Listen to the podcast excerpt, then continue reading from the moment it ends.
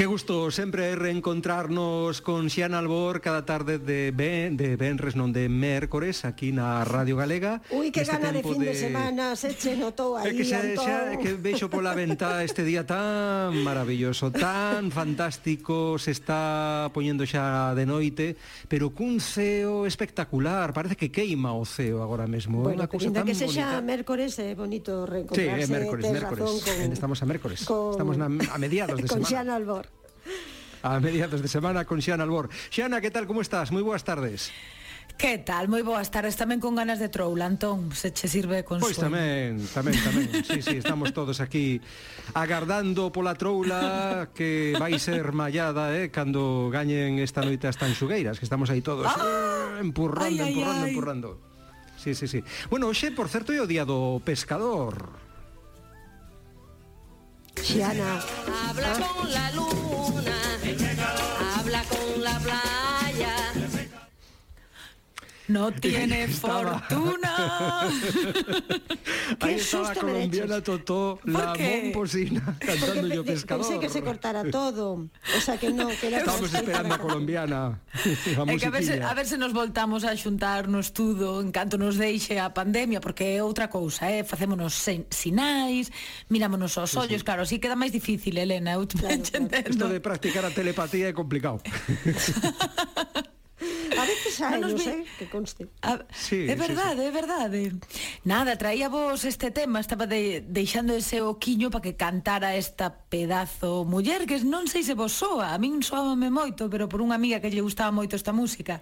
E cantaba iso de que el pescador non tiene fortuna, solo su atarraya. Esta tarralla que é como mm, tive no que mirar, imagineime que era un tipo de rede, efectivamente como unha rede que soltan. A min lembra máis que tiraban os gladiadores romanos así para coller outros gladiadores. e se usaba maiormente en ríos ou lagos. E non sei se os pescadores o teñen a tarralla e non teñen fortuna. O que está claro que teñen unha longa historia, pero moi antiga historia. Mirade que hai case 2 millóns de anos, 2 millóns, que un grupo dos nosos de banceiros humáns comeran peixe, tartarugas e mesmo crocodilos arredor dun lago en Kenia. Claro, a paisaxe debía ser moi diferente, entón, seguro e deixaron, que o ceo ardía... Deixaron sen recoller, verdade, Xana? Por eso sabemos. De... O sea, que deixaron, deixaron, todo. deixaron, deixaron os restos do festín. Exactamente, deixaron os restos do festín e así sabemos nós que estaban aí papando nestes produtos, neste caso do lago. E moitos anos pasaron, moitos, 1,8 millóns de anos, e con eles, moitos máis humanos, estamos a morar neste noso fermoso planeta. É por iso que hoxe quero adicarlle este día do pescador, para eles, que os admiro moitísimo, pero tamén para falar un pouquiño de que cousas podemos facer para que sigamos a pescar 2 millóns e 4 millóns de anos máis.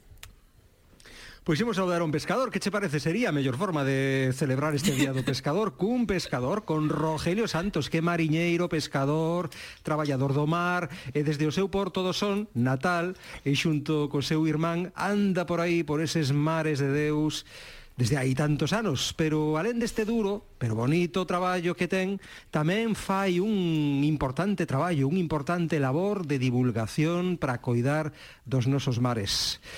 Hola Rogelio, que tal? Moi boas tardes. Ola, moi boas tardes. Pois moi contento de estar aquí con vos, eh, con Xiana, que me encanta, eh, e con todos os ointes da Radio Galega. Moi contento. E felicidades neste día do pescador. Bueno, o pescador da cumbia que puxemos antes un chisquiño fala coa lúa, fala coa praia, Co teu mm. irmán seguro que falas de moitas cousas cando saes por aí a pescar, agora coa lúa e a praia. Ti falas con, con elas tamén, Rogelio? bueno, eu falo con elas a través dos, dos meus actos, pero o que, o que me falan son elas a min. De feito, eu dixo moitas veces que cando veño do mar, vimos carjados, vimos de marea, vimos carjados de peixe, ese peixe significa carto, significa alimento para a xente, pero veño carjado de moitísimas cousas máis que esa belleza belleza xustamente da lúa, das postas de sol nos ollos, dos olores do mar, dos paisaxes fermosísimos de Galicia desde o mar en terra, dos povos, eh, eh, de toda a belleza que hai nos océanos na forma dunha enorme diversidade de tipos de peixes que tamén os temos aquí en Galicia, entre outras moitas cousas que podría decir, porque o mar é mm. moito máis que, que barcos e lonxas e todo eso colle fama e bótate a dormir, dio dito, e ás veces a xente botalle a culpa dos problemas ás persoas menos indicadas, neste caso, os teus colegas de profesión. Unha mágoa mm. porque os mariñeiros galegos son un verdadeiro exemplo a seguir no cuidado dos nosos recursos naturais. Igual, ata coñeces a estes mariñeiros que se fixeron moi populares cando comentaron aquelo dun avistamento, dunha candorca, escoitade, escoitade. Dima, sono porca! morta! Che passato? Dima! Mima, son candorcas. Con un exemplo de que a nosa xente do mar, Rogelio, lle quere de verdade o medio. Sí. Cal é o papel que tedes aí os mariñeiros no cuidado da natureza?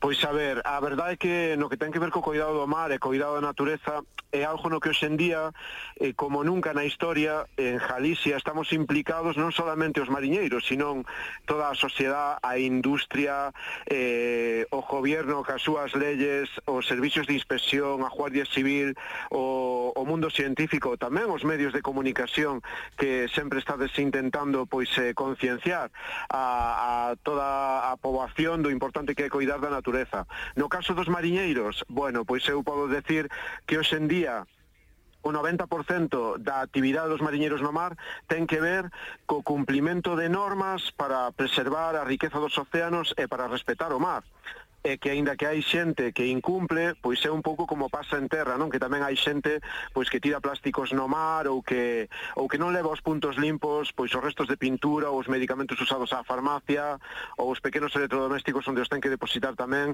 e os tira onde non debe, non?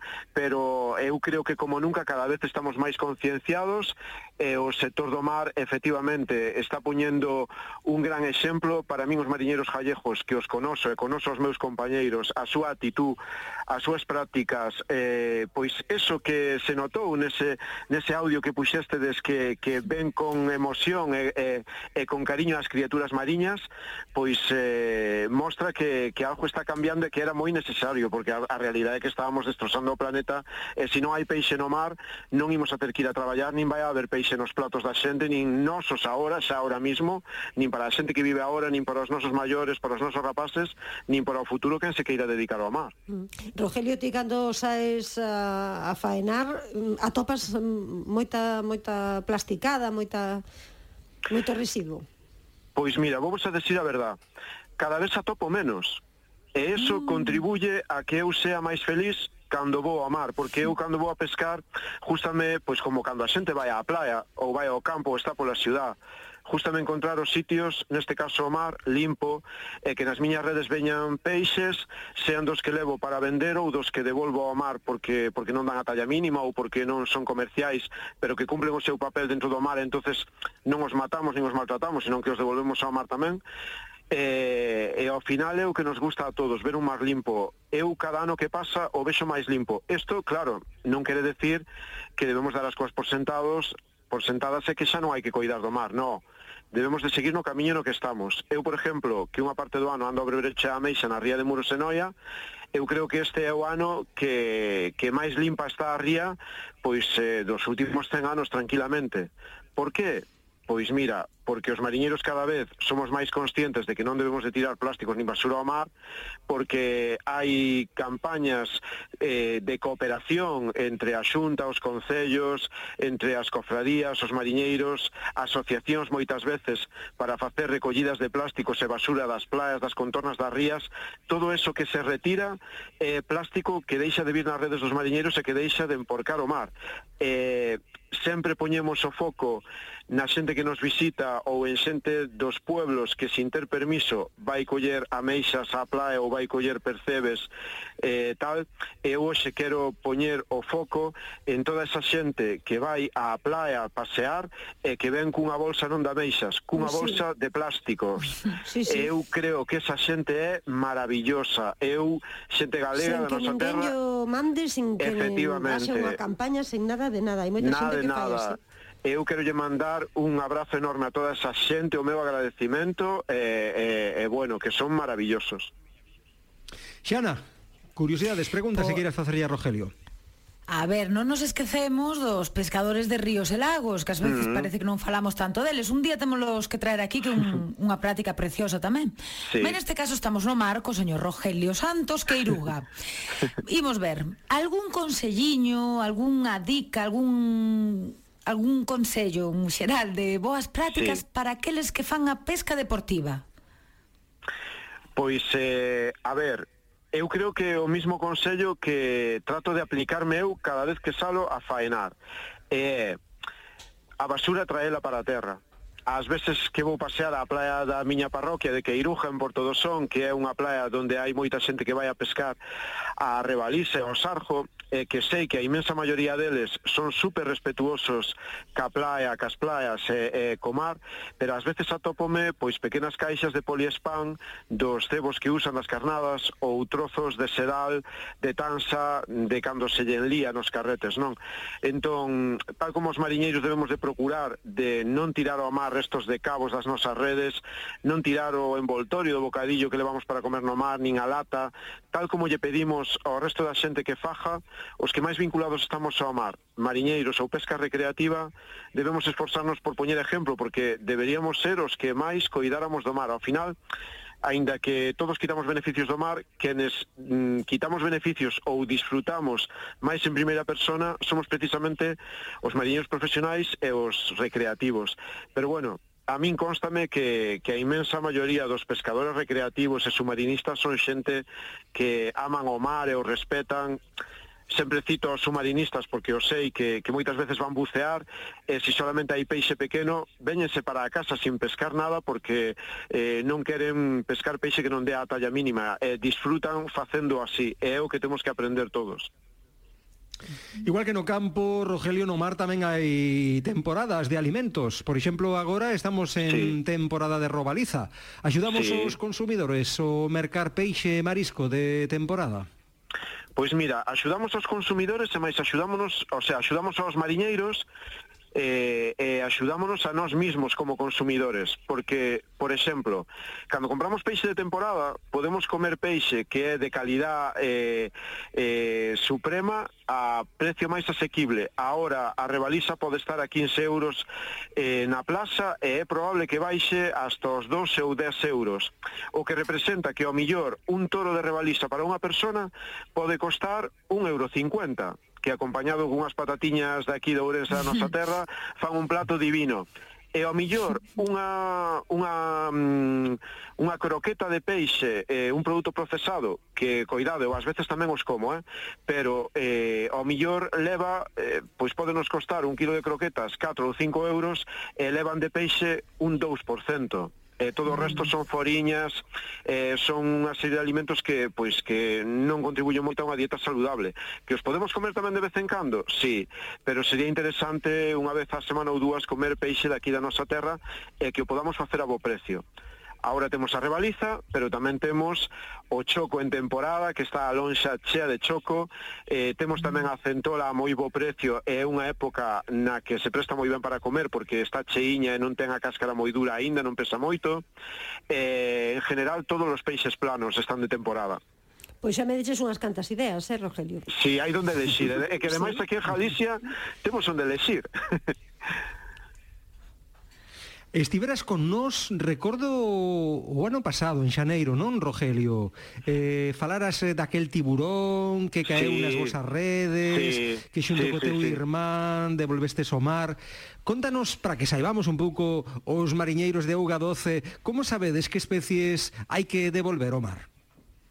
Bueno, eh, porque a administración se encarga de, de informarnos, eh, ás veces tamén nos dan toques de atención eh, pois eh, os servicios de inspección pesqueira da Xunta ou personal das cofradías, pois eh, que a non ser que vexan que ti tes unha intención de delinquir e de facer mal, pois eh, che van informando, eh, che dan avisos, pois isto sí, isto non se pode levar, ás veces hai papéis pegados na cofradía, ou nós mismos hoxendía, eh, como todos temos un móvil con acceso a Google, Internet, internet, pois é moi fácil eh, buscar eh, a información que, que sae no, no boletín oficial de Galicia, no boletín da nosa comunidade autónoma, onde se informa de todas esas tallas e todas esas vedas.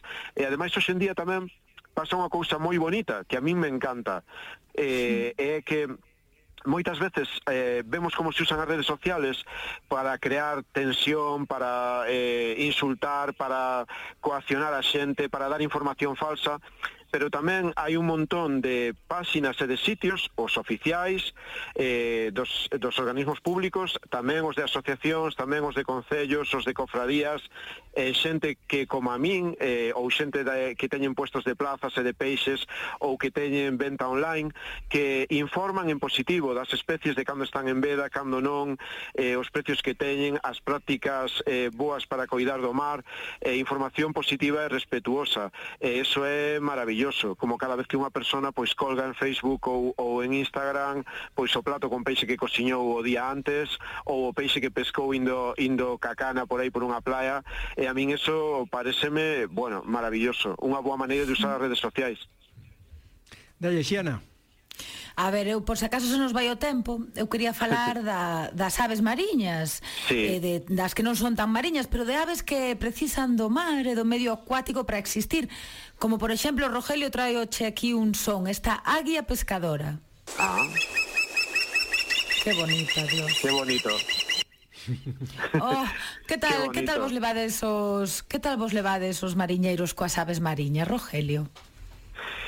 Regula, regula, no A ver, a ver, mira, eu non sei que vos decir porque eu xa vin no Porto de Porto do Son como unha javiota se lle botaba o bocadillo dun rapaciño nun carrito. Pero bueno, eh, eu nunca me peleei con, con ningún ave mariña, a verdade é que son desas que son desas cousas que a min me enchen a vista e o corazón cando vou navegando, cando estou no mar, porque en Galicia tamén temos unha amplia variedade eh, delas de tipos, porque uh -huh. temos desos corvos mariños e os mascatos, os eh, os temos eh, os paíños, temos eh, as pardelas, temos eh, a píllera das dunas que mm. nós moitas veces traballamos cerca das playas, eh, vémolas ou vémolas encima das rochas, pois eh, aves mariñas con peteiros moi largos eh, e moi zancudas de distintos colores, hai unhas que teñen o pico totalmente naranxa e máis as patas que chaman moitísimo a atención en riba das pedras, eh, e é super bonito velas. A verdade é que eh, en algunha ocasión eh, temos tido mala sorte, digo mala sorte porque a min non hai nada que máis me entristeza que, mm. que matar un animal sin ter porqué, aínda que sea sin querer. Entón, eh, algunha vez ten vido nas nosas redes algún galo mariño e intentamos evitar esa zona, volver a repetir para, para evitar que caen nas oh. nosas redes e matalos. Pero bueno, eh, ten sido, por sorte, excepcional, aínda que non deixa de entristecerme, porque non, non é o propósito da pesca. Rogelio, ata aquí chegamos, pero antes de que marches, poñemos música e celebramos este día do pescador contigo. Dentro cumbia. alegría, alegría. Con chinchorro y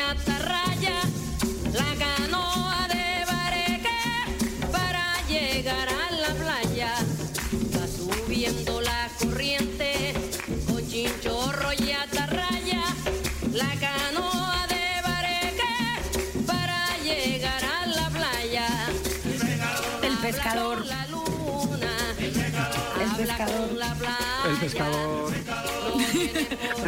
el pescador, El pescador. el pescador. Habla con la El pescador. El pescador. El pecador habla con la luz. Un placer enorme, amigo Rogelio. Volve cando queiras, aquí sempre terás as portas abertas. Rogelio Santos, Escoitade, mariñeiro. Escoitade, mandaremos sí. un abrazo grande a todos os mariñeiros daqui e máis de altura e a todos os pescadores, non? Home, claro. Está Veñá, claro que sí. Un abrazo Ese enorme saludo. para todos os mariñeiros, mariscadoras de baixura, de altura, que os temos por todo o mundo. claro que sí, moito, que bonito. Rogelio. Unha aperta eh, grandísima. Unha aperta enorme. Ata logo. Ata logo. Bueno, Xan Albor, quedamos para o mm, mércores que ven. Pareceche? Pois veña, claro que sí, se Neptuno quere. Ala. Un Hasta saludo. Ata logo, ata logo. donde tienen su querer. El pecador